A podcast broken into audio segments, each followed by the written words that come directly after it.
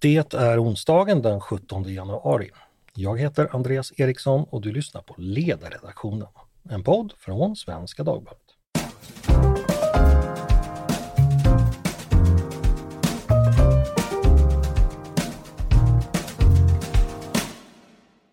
Varmt välkomna till Ledarredaktionen igen. Sverige ska få en kärnkraftssamordnare. Om detta kunde regeringen berätta nu alldeles i början på året. Och detta för att säkerställa en kraftfull utbyggnad av ny kärnkraft.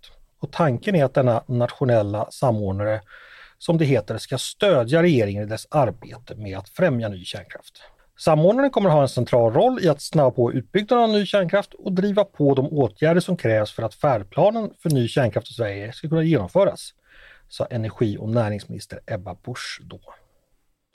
Och den här kärnkraftssamordnaren, han heter Carl Berglöf. Han är expert inom kärnkraft på energiföretagen och han sitter med mig här i studion idag. Varmt välkommen hit Carl! Tack så mycket! Det är kul att vara här. Det är kul att ha dig här. Du har ju inte tillträtt än, det gör du först den första februari, så jag kan ju inte fråga dig vad du gör på jobbet. Men vad har du hittills fått veta om det? Bara översiktligt, vad, vad blir dina uppgifter? Mm, det är huvudsakligen två delar. Det första är att eh, eh vara ett eh, smörjmedel och eh, eh, följa upp vad som görs inom regeringskansliet eh, kopplat till ny kärnkraft. Eh, det vill säga följa upp och även då föreslå eh, vidare åtgärder för att öka på takten i utbyggnaden. Så som jag sa, ett smörjmedel och kanske också en blåslampa och påminna om att nu behöver eh, ni på det här departementet göra de här sakerna så att ni kommer i takt med det här departementet som gör de här sakerna. Mm. Så det är det ena. Och det andra är att vara en väg in för de aktörer som som berörs av en kärnkraftsutbyggnad. Det kan vara kommuner, regioner, länsstyrelser, leverantörer, utländska intressenter och så vidare. Okej. Du, när du fick frågan att uh, ta det här uppdraget, vad, vad, tänkte du då? Var det, var det självklart att, att tacka ja? Jo, men eh, det var självklart så att jag tackade ja eh, på stående fot. Det var ju, kändes väldigt hedrande att få den här förfrågan. Eh, och jag har ju i praktiken kan man säga att jag jobbar idag som industrins samordnare när det gäller samhällskontakter och så. Så att steget från min nuvarande tjänst till det här är inte allt för långt i den meningen.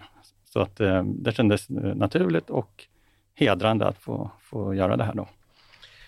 Eh, bara så att vi ska begripa lite mer om den här tjänsten. Finns det någon annan motsvarande tjänst i staten som du tänker att ditt uppdrag kan jämföras med? Så att säga? Finns det på andra håll, andra politikområden? Um, det jag kommer att tänka på är väl Fossilfritt Sverige, som är eh, också en utpekad insats eh, som också drivs som en, som en egen utredning så att säga. Och ehm, eh, för att stimulera en, en, utveckling underifrån. Och jag ser många paralleller med hur det här arbetet ska genomföras. Både hur det är rent administrativt utformat, men också i, i viss mån eh, kring eh, liksom, ja, det här att att skapa stimulans. Mm. Rent fysiskt, var, var, kommer du sitta någonstans? Jag kommer sitta på KN-departementet. Eh, alltså klimat och näringsdepartementet? Precis, då, ja, nära Drottninggatan i Stockholm. Och det är också kanske lite annorlunda. Eh, jag var lite inne på det precis, då, men det här utformas som en, som en statlig utredning, en SOU, och då, då blir man ja, rent juridiskt då, en egen myndighet. Så att jag inte är en del av regeringskansliet på så vis. Och i vanliga fall så brukar statliga utredningar lokaliseras i garnisonen då till exempel på, på Karlavägen och sitta en bit bort från departementen. Men här är inte eh, det väsentliga i den här utredningen är inte slutleveransen om tre år, för det är treårsuppdrag, utan det är den löpande leveransen, så att säga, att delta i det dagliga arbetet, att komma med idéer och inspel under resans gång. Det är det som är det viktiga snarare än slutrapporten om tre år. Mm. Eh, jag ska bara kort berätta för, för folk som inte är så hemma i Stockholm att Garnisonen är ett jättelikt kontorshus som ligger på, på gammal militär mark, därav namnet. Eh, precis som, som Karl säger då på, på Karlavägen ner mot, eh, ner mot Gärdet helt enkelt. Det var intressant det här med att du blir en egen myndighet och, och att det fungerar som en, en offentlig utredning. För jag tänker det här med befogenheter. Jag har själv aldrig jobbat i regeringskansliet men jag kan tänka mig att det är ganska viktigt vilken, vilken roll man har, vilken befogenhet man har gentemot andra instanser och sådär. Eh, och att risken då skulle en, en så att säga nyinsatt eh, missförstå mig rätt, flummig tjänst som samordnare skulle lätt kunna bli någonting som bara flyter omkring utan att riktigt ha någonting. Jag vet inte, har du reflekterat någonting kring det innan du tog uppdraget? Vad, vad tänker du kring det?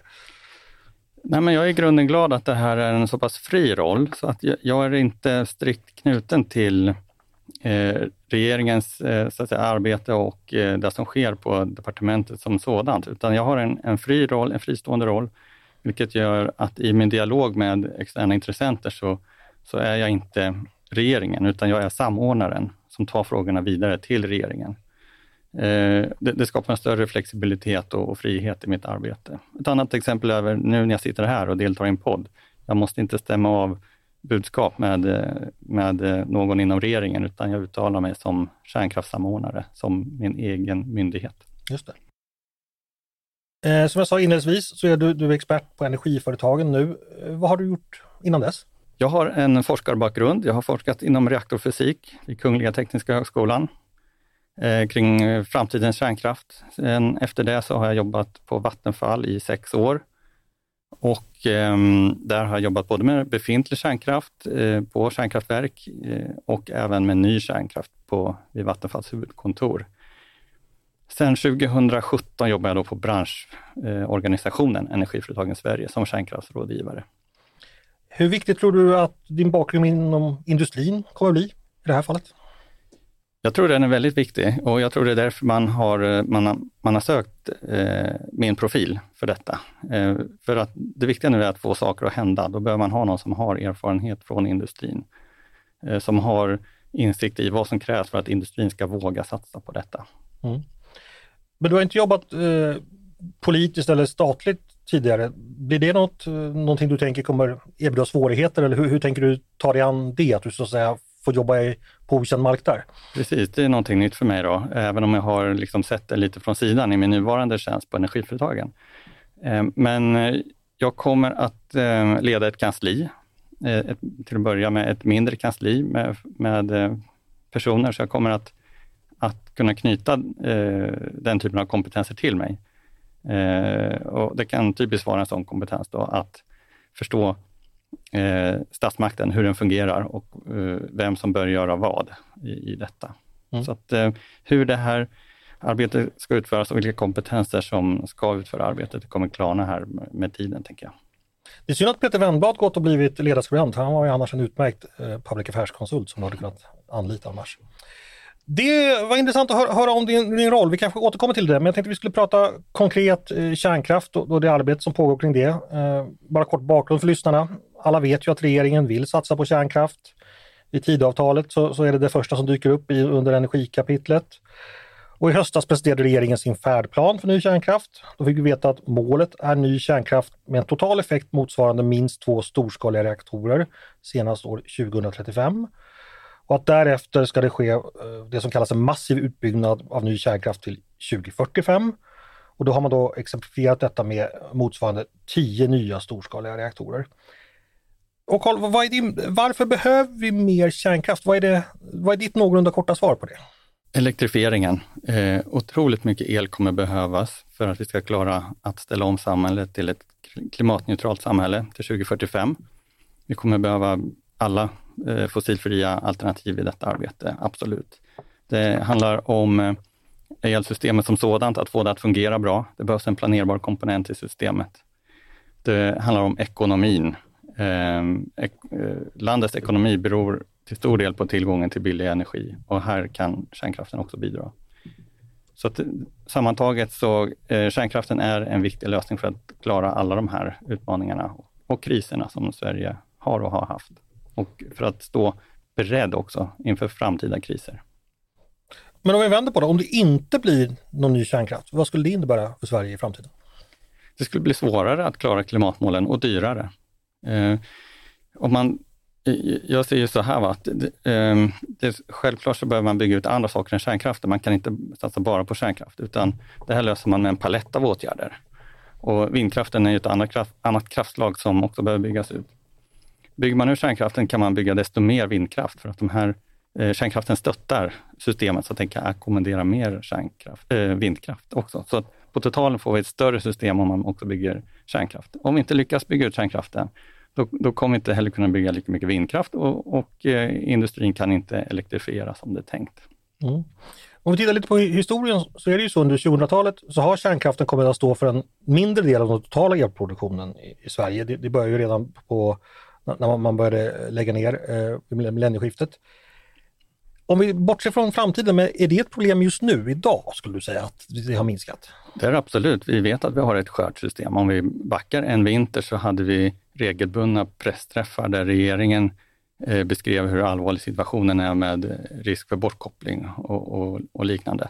Och eh, vi har haft några dagar redan nu, eller nyligen, med eh Ehm, där ehm, effektreserven har gått på eh, tomgångsdrift för att eh, vara möjlig att eh, rycka in om det skulle behövas. Och detta trots att vi nätt och jämnt når upp till eh, kriteriet konsumtionsmässigt för vad, vad som är vanligt normalvinter. Och eh, vi har också en situation just nu där Svenska kraftnät tvingas eh, upphandla planerbar kraft vid sidan av eh, den ordinarie elmarknaden för att säkra att det finns eh, tillräckligt med planerbar kraft tillgängligt för att systemet ska kunna eh, överföra el så som det är tänkt. Mm. Eh, bara kort förtydligande, effektreserven nämner du, det är så här som ofta dyker upp. Vad är det för någonting och varför behöver vi en sån? Ja, det är um, ett oljeeldat kraftverk, Karlshamnsverket, som står berett nere i Blekinge att rycka in om det finns risk för elbrist. Mm. Och det här händer då några gånger per vinter. Så då tänder man upp där helt enkelt? Precis, då, då eldar man olja för att klara elförsörjningen. Och eh, det, vad vi har sett senaste vintrarna, det har man behövt göra eh, allt oftare, att ha det i beredskap. Eh, även vid effektnivåer som, ja, som motsvarar en normal vinter. Det handlar inte om när det inträffar en tioårsvinter, utan det är normala vintrar som, som där kommer in. Och vi står också inför, eh, om man tittar bara två, tre år framåt i tiden, så, så kommer effektbehovet att öka ganska markant. Eh, så att problemet är, eh, behöver hanteras redan innan vi har ny kärnkraft på gång. Så Eh, vi har en, en ansträngd situation idag, den kommer bli mer ansträngd och det här hotar också elektrifieringen såklart. Men på sikt så måste vi få in mer planerbar kraft i södra Sverige. Mm. Det är ett problem idag, det hotar att bli värre. Det, det, skriver nog många under på den problembilden. Politikerna bråkar om varför det har blivit så här. Vad är ditt svar på varför vi har försatt oss i den här situationen? jag blickar framåt i mitt kommande uppdrag, så att jag, jag, kom, jag tänker inte kommentera eh, varför vi är där vi är, utan jag, jag tänker att jag utgår från att vi ska bygga kärnkraft. Eh, jag kommer inte diskutera om det behövs eller inte. Jag utgår från att den ska byggas och mitt uppdrag är att, kommer vara då att se till att eh, regeringen kan nå sina mål om en viss utbyggnad av kärnkraft till 2035 och 2045. Uh, får jag bara skjuta in en fråga där? Du säger att du inte vill kommentera det det kan ju finnas en poäng i att fundera över förflutna synder för man vill inte upprepa dem igen ifall man ser för framåt. Är det här någonting som så att säga är det en del av ditt uppdrag att du inte ska titta bakåt eller varför var väljer du att inte svara på det? Nej, jag tänker att det här är en opolitisk eh, tjänst. Um, man kan se mig som en teknokrat som ska jobba för att lösa en teknisk fråga, så jag, jag vill inte ge mig in i den politiska diskussionen kring, mm. kring kärnkraften. Okej, vi släpper det. Eh, vi ska fortsätta med kärnkraftens eh, mer tekniska och ekonomiska och regulatoriska eh, aspekter. regeringen vidtar också andra åtgärder nu. Det handlar då om att man ska ge kreditgarantier för kärnkraft. Det var en del i tidavtalet redan. Man satsar på kärnkraftsforskning. Det, är på gång lagändringar för att tillåta reaktorer på, eller det har redan gått igenom på, på fler platser i Sverige. Och att eh, man ska också förenkla tillståndsprocessen. Så att det finns ju ett antal olika spår här. Eh, och eh, ja, den stora frågan, jag tänker så här, vad ser du framför det blir, vad är det som brinner mest i knutarna i alla de här spåren? Jag förstår att alla är viktiga, men finns det något som är verkligt tidskritiskt skulle du säga, om du får välja? Ja, men helt klart. Det allra viktigaste, det är att få till en, eh, en finansieringsmodell, en, en riskprincip mm. som möjliggör investeringar i ny kärnkraft. Om ingen investerar i kärnkraft så kommer ju inte något av det andra behövas heller. Så att, eh, och också tidsmässigt är det viktigt att få detta på plats, så att investerare och aktörer vågar gå in i detta. Mm. Det är det absolut viktigaste. Och sen för den som väl Eh, Eh, vill gå in i detta är det viktigt att det också finns en eh, tillståndsprocess på plats som är ändamålsenlig och effektiv och eh, förutsägbar. Eh, om, om inte det finns så är det också en riskfylld affär att gå in i. Så att, eh, det handlar om att eh, sänka trösklarna. Eh, och där tänker jag att eh, den här samordnaren då kommer få ha en, eller kommer ha en viktig funktion i just att ta bort risker och sänka trösklar så att flera aktörer vågar ge sig in i detta.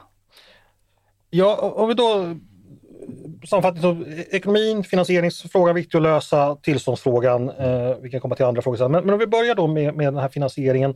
Här vet jag ju att eh, kreditgarantier har man ju sagt tidigare, men då har man ju sedan sagt att det kommer inte räcka utan en utredare ska titta då på riskdelnings och finansieringsmodell där staten delar risken. Eh, det är alltså en annan utredare vad, det är inte du som gör det? Just det, det stämmer. Mm, det är en särskild utredare som har tillsatts av Finansdepartementet som, som tittar på detta. Ja. Och eh, eh, ja, det stämmer, kreditgarantierna har ju aviserats tidigare, men man kan väl säga att eh, det finns en begränsning i hur effektiva kreditgarantier är. De, de, nu har inte det beskrivits precis hur de här kan tillämpas, men som exempel skulle det kunna vara så att kreditgarantierna kliver in när man har kärnkraftprojekt som har gått eh, dåligt av någon anledning och att eh, eftersom det är så stora investeringar så kan det riskera hela företagets balansräkning.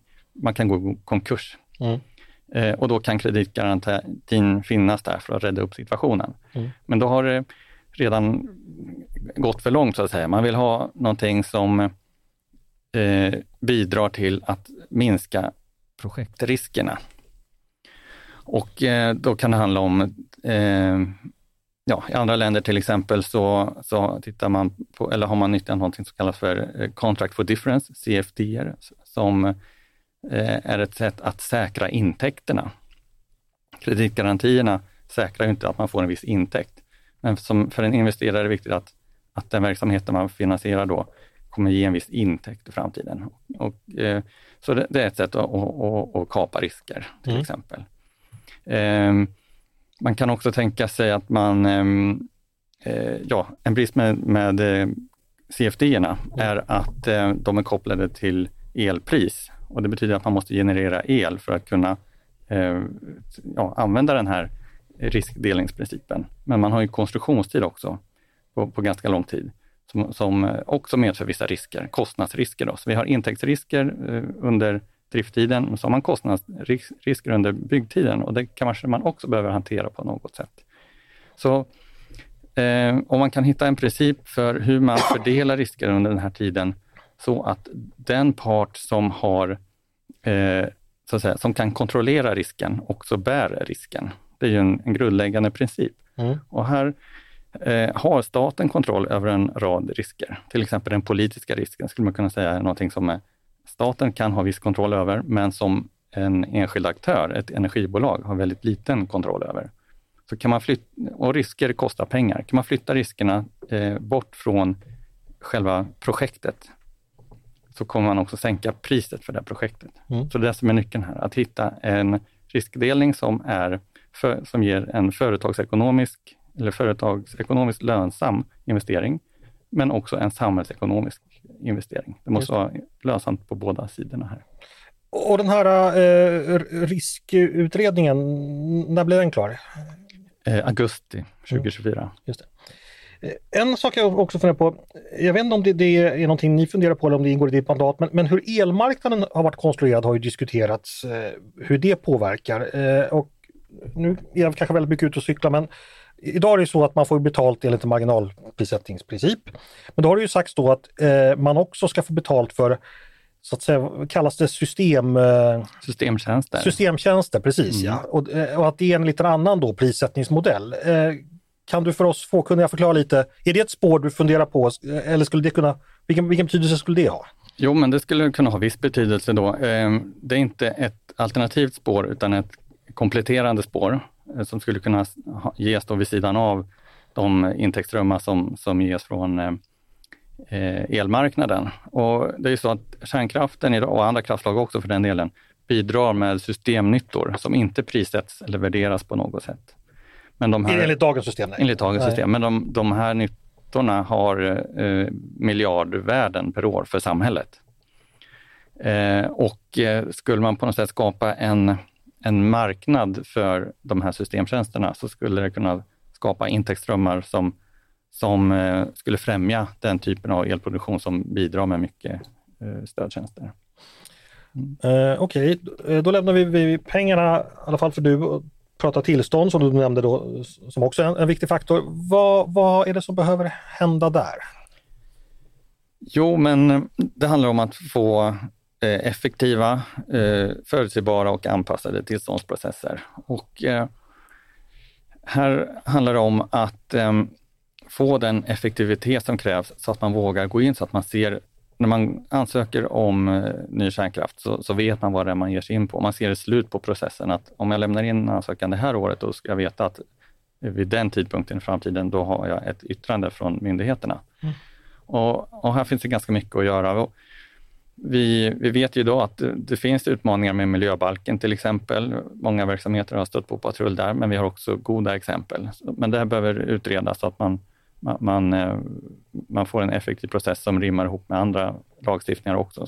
Och i, i fallet med kärnkraft så finns det också till exempel då kärntekniklagen som, man, som också ställer krav på en tillståndsprocess. Och, och där vill jag påstå att kärntekniklagen är i grunden ett gott exempel som är, eh, vad ska jag säga, man, man har ett, ett godkännande ganska tidigt i processen och sen följer därefter en en, eh, en stegvis process där man får tillstånd att, att eh, ta anläggningen i drift och sen i kommersiell drift stegvis när man uppfyllt vissa villkor. Men det huvudsakliga tillståndet från regeringen det kommer tidigt i processen. Sen har vi exempel i närtid då när, när de här processerna har provtryckts då, och det är ju i relation till slutförvaret för använt kärnbränsle som ska byggas i Östhammars kommun. Och eh, där tog ju den här processen då, ja, nu minns jag inte exakt, men ungefär tio år från det att man lämnade in ansökan tills man fick regeringens godkännande. Nu var det här en helt ny typ av verksamhet och det krävdes ny lagstiftning och så vidare.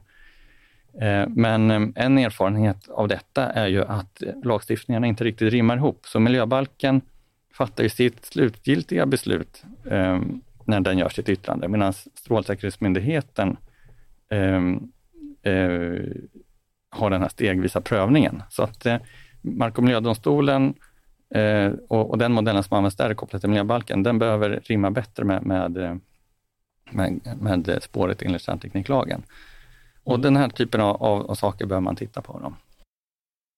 Men det här tänker jag, det handlar ju om att, att ändra i regelverk. Eh, alltså man, man, gör en liten utredning och så skriver man en propp och så kör man en remissrunda. Att det ska väl ändå inte ta så lång tid, tänker jag. Eller, vad, vad du, eller är det byråkratins kvarnar som måste mala ändå i lagom takt? Eller? Ja, men eh, erfarenheten är ju att det tar lång tid, så det här måste vi krympa. Men här tänker jag att vi får draghjälp nu från EU-håll. Eh, kommissionen kommer att eh, fastslå ett regelverk här under våren, eh, Net Zero Industry Act, och där anges att en tillståndsprocess som rör klimatvänlig teknik ska inte ta mer än 12 till 18 månader beroende på om det är över eller under en gigawatt el som kommer ut. Så att vi behöver förhålla oss till de här nya direktiven och få ner processerna. Mm. Och det lutar ju då åt att man behöver få ner, vad ska man säga, en process där man får besluten tidigt, men man måste lägga villkor så man kan jobba vidare med beslutsprocessen allt eftersom byggnaden eller kraftverket uppförs. Mm. Eh, en faktor, du tog inte upp det, men det är jag lite nyfiken på. Har vi tillräcklig kompetens i Sverige på det här området eller behöver vi börja spotta ut oss massa ingenjörer för att kunna genomföra det här? Hur, hur ser det ut? Det här är ju ett jätteviktigt område för hela omställningen som rör hela branschen eh, när det gäller all elproduktion, inte bara kärnkraft. Eh, men jag vill påstå att vi har en bra utgångspunkt idag eftersom vi har kärnkraft i Sverige idag och vi har en en leverantörskedja i Sverige som, som försörjer den kärnkraften vi har. Men den är inte tillräcklig för att bygga ny kärnkraft. Så det behövs definitivt en förstärkning. Mm. Men utgångspunkten är betydligt bättre än när vi började bygga kärnkraft förra gången till exempel. Då hade vi ingenting. Men nu, nu har vi ändå kärnkraft idag och en, en, en grund att stå på och bygga på. Men det kommer behövas jättemycket folk. Eh, företagen behöver växla upp. Vi behöver mer studenter på universiteten som läser relevanta ämnen och så vidare. Men det är en bred palett av, av, av kompetenser som behövs. Allt från ja, svetsare, eh, ställningsbyggare, cementgjutare och analytiker och, och eh, en och annan kärnfysiker kanske då, och strålskyddare och så vidare. Eh, men eh, det här, jag tänker, det som kommer att få fart på detta, det är ju när det blir ett skarpt projekt. Mm. När någon lämnar in en ansökan om att bygga en första reaktor, då tror jag att mycket av det här kommer att, att sätta fart och att företagen börjar rusta upp och och eh, fler och fler studenter kommer söka sig till relevanta utbildningsprogram. Men då passar väl på att ge tips till eh, kanske landets gymnasister då, som funderar på vad de ska välja, att eh, det här är en framtidsbransch? Absolut. Eh, jag tänker också fråga lite om näringslivets roll. Återigen, jag förstår, du har inte börjat ditt, ditt nya jobb här, men, men jag antar att näringslivet blir en av parterna när du ska samordna eh, så vidare. Man har, man, ja, I början på året skrev en rad ledande företrädare för näringslivet debattartikel Dagens Nyheter där man skrev så här, rubriken löd i alla fall, Sverige behöver kärnkraften och vi kan vara med och betala. Vad tänkte du när du läste den? Jo, men jag blev väldigt glad när jag såg det såklart. Det här förändrar ju eh, diskussionen väldigt mycket. Att näringslivet är så här tydligt när det gäller också att delfinansiera kärnkraft. Dels att man säger att en utbyggnad av kärnkraften är nödvändig, men också att man säger att man kan tänka sig vara med och delfinansiera den. Och det säger väldigt mycket om hur man ser på kärnkraften och behovet av ny kärnkraft. Um, så absolut, det är jätteviktigt. Och det här kopplar också till um, långsiktigheten. Uh, vi snuddade vid det tidigare, men om man har en ägarbas i, i kärnkraften som, som är uh, bred, då, då är det svårare att, att, bryta upp verksamheten för en framtida regering då kanske. Eh, jag tror att om, om ägarbasen är den exporterande industrin så, och kanske någon pensionsfond dessutom, då är det betydligt svårare att, ehm, att säga att nej, det här är ingenting vi ska ha, utan då kanske man hellre vill behålla eh, mm. den verksamheten. Eh, gå vidare lite och tänker på det, på det praktiska. När jag tänker kärnkraft tänker jag då på andra, vad som brukar kallas megaprojekt, där man ska planera och bygga väldigt stor infrastruktur. Erfarenhetsmässigt så kännetecknas de dels att de brukar kosta mer än man först bedömer och dels att de tar mycket längre tid än man först bedömer. Eh, hur orolig ska man vara för de riskerna när det gäller kärnkraft, tänker du? Jo, men det är klart att de riskerna finns och det är just därför som, eh, som den här rollen eh, som kärnkraftssamordnare kommer behövas och det är därför som eh, man sätter upp de här riskdelningsprinciper och annat för att hantera den här typen av riskerna. Men jag tror att, eh, som du var inne på, många, flera av de här problemen ligger också inom industrin som sådan. Så de, den aktör som ger sig in i detta måste verkligen eh, dra lärdomar av de projekt som har varit. Både de som har tagit lång tid, men så finns det goda exempel också som man kan titta på och lära sig mycket av. Så att jag, jag tänker, eh, det, det, finns goda förutsättningar att undvika att göra samma problem igen. En tanke så här, skulle man kunna vänta lite och se att någon annan bygger kärnkraft eh, bättre och billigare och då slå till så att säga eh, och inte behöva liksom ta de här väntetiderna nu? Bara en tanke. Självklart kan man ju göra så, men då, då kommer man långt på efterkälken och det finns en konkurrens i detta också. Um, leverantör, det är leverantörernas marknad lite grann, så att um, man måste vara ett attraktivt land om man ska eh, kunna lägga en order. Och uh, jag, jag, tänker att det är ju en, man kan väl se det som en, en global rörelse nu då, att uh, det är flera länder som går in i detta och det gör det också lättare att Eh, Eh, få en rörelse i projekten, att man inte stannar upp och så vidare. leverantörerna och underleverantörerna kommer vara bättre rustade i och med att man, man är en del av en global rörelse och, och, det kommer inte vara som det har varit, att det är enskilda byggprojekt i några länder som går trögt, utan man, man rustar upp tillsammans och, och hjälper varandra på ett annat sätt när det är en global rörelse. Så att det, det gör mig hoppfull. Du skulle säga att det är, det är en fördel. Det är, det är inte så att nackdelen av, att alla konkurrerar om samma teknik och samma leverantörer och sånt gör det svårare också samtidigt? Jo, men absolut. Det, det finns ju nackdelar också och eh, ehm, det kan, eller det, ja, det kommer förmodligen uppstå flaskhalsar inledningsvis, men jag tänker att eh, det kommer finnas eh, pengar att tjäna för leverantörskedjorna i detta och då kommer man rusta upp eh, sin utbyggnadskapacitet. Mm marknaden har ju den förmågan att göra det som någon vill betala för. Det är en fördel. Eh, nu nämnde du andra länder. Finns det några du tycker vi har mycket att lära oss av? I så fall vilka? Um, som jag var inne på, vi ska definitivt lära oss av de länder där det inte har gått bra, där det har dragit ut på tiden, men så ska vi titta särskilt. Exempelvis? Ja, men vi har ju exempel i närtid i, i Finland, Frankrike, Storbritannien, i västländer helt enkelt. Och det är ju det, är det som är så olyckligt, va? att länder som liknar oss, där har det gått trögt. Men om vi tar ett annat exempel då, som Förenade Arabemiraten, som kanske inte är ett land som liknar Sverige, men där hade man ju, om man säger så här, eh, förutsättningarna för att det skulle gå dåligt, för de hade inte kärnkraft från början. Det var första gången leverantören, i det fallet ett koreanskt företag, skulle leverera reaktorer till ett annat land. Så att förutsättningarna för att det skulle dra ut på tiden ordentligt fanns där, men de, de klarar det hyfsat på tid och budget. Där tänker jag att vi kan dra lärdomar i, i hur man kan bygga i serie och få ner kostnaderna. Och eh, en, en särskild aspekt i detta är också att det har varit mycket svenska kompetenser inblandade i den processen. Både i själva byggandet och också i, i när man har satt upp regelverket. Och chefen för um, det Förenade Arabemiratiska ja. uh, strålsäkerhetsmyndigheten är en svensk person faktiskt. Så de, de, här kompetenserna som har varit involverade tror jag vi, vi kan dra nytta av också i den svenska utbyggnaden som kommer.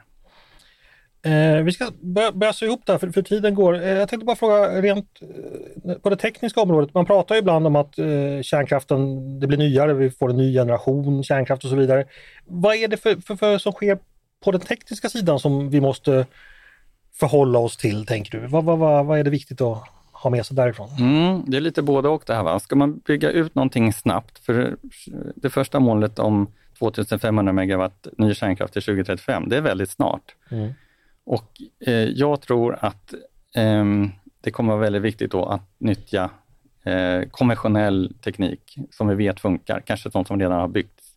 Eh, det är kanske där man får börja titta först, om det är möjligt att nyttja det för att nå det målet. Sen om man tittar längre fram, 2045 eller efter 2035 och så vidare, så fin eh, finns det större möjligheter att få in ny teknik också och eh, som, en, som, kan användas för nya tillämpningsområden, till exempel för vätgasproduktion eller industrihetta eller fjärrvärme eller vad det kan vara. Så kärnkraften kan komma att ha flera strängar på sin lyra. Eh, och jag tror man ska utgå från vilka till, tillämpningsområden som man ser komma och sen hitta tekniker som kan lösa det. Och här har vi ett bra exempel i Sverige på teknikutveckling med företaget Blykalla som tar fram en blykyld eh, reaktor som kan nyttjas för den här typen av ändamål också. Mm. Det här med, med, SMR, de här små reaktorerna det pratas mycket om, mm. var, var, befinner de sig någonstans i utvecklingen och vad är det för potential där? Ja, men det, det finns väldigt många olika SMR-koncept där ute och det är allt från eh, mindre versioner av dagens kärnkraft som man kan få på plats relativt snabbt och sen då, som jag var inne på, ny teknik som bly kallas blykylda reaktor och, och allting däremellan. Eh, så det kommer vara många koncept där ute som inte kommer nå hela vägen fram till kommersialisering, eh, men några kommer förhoppningsvis göra det då. Och, eh, som jag var inne på, eh, man ska nog låta tillämpningarna styra. Vad är det man vill åstadkomma? Eh, och sen också tidsmässigt, vad är rimligt att få på plats till till exempel 2035 och sen 2045? Mm. Eh, tack för den exposén kring kärnkraften. Vi ska återkomma bara till din roll. Vad tror du blir den största utmaningen på det nya jobbet? Oj, ehm, eh, ja, men det kommer att eh, vara att få alla aktörer att jobba tillsammans mot ett gemensamt mål. Eh, det här handlar om en väldigt stor mängd aktörer och det är det som är utmaningen. Jag tror inte att folk kommer motarbeta mig, utan snarare att få den här stora mängden med sig. Det är flera departement inblandade, det är eh, kommuner, länsstyrelser, det är eh, flera myndigheter, eh, det är utländska aktörer, det är nationella aktörer, det är lokala aktörer. Så att det är som ja, ett fyrdimensionellt pussel som ska läggas mm. och det kommer att bli en utmaning. Vad tror du kommer bli roligast? Jag gillar eh, när det är svårt. Vi gör ju inte det här för att det är enkelt, så att säga, utan för att det är svårt, som någon amerikan sa för länge sedan.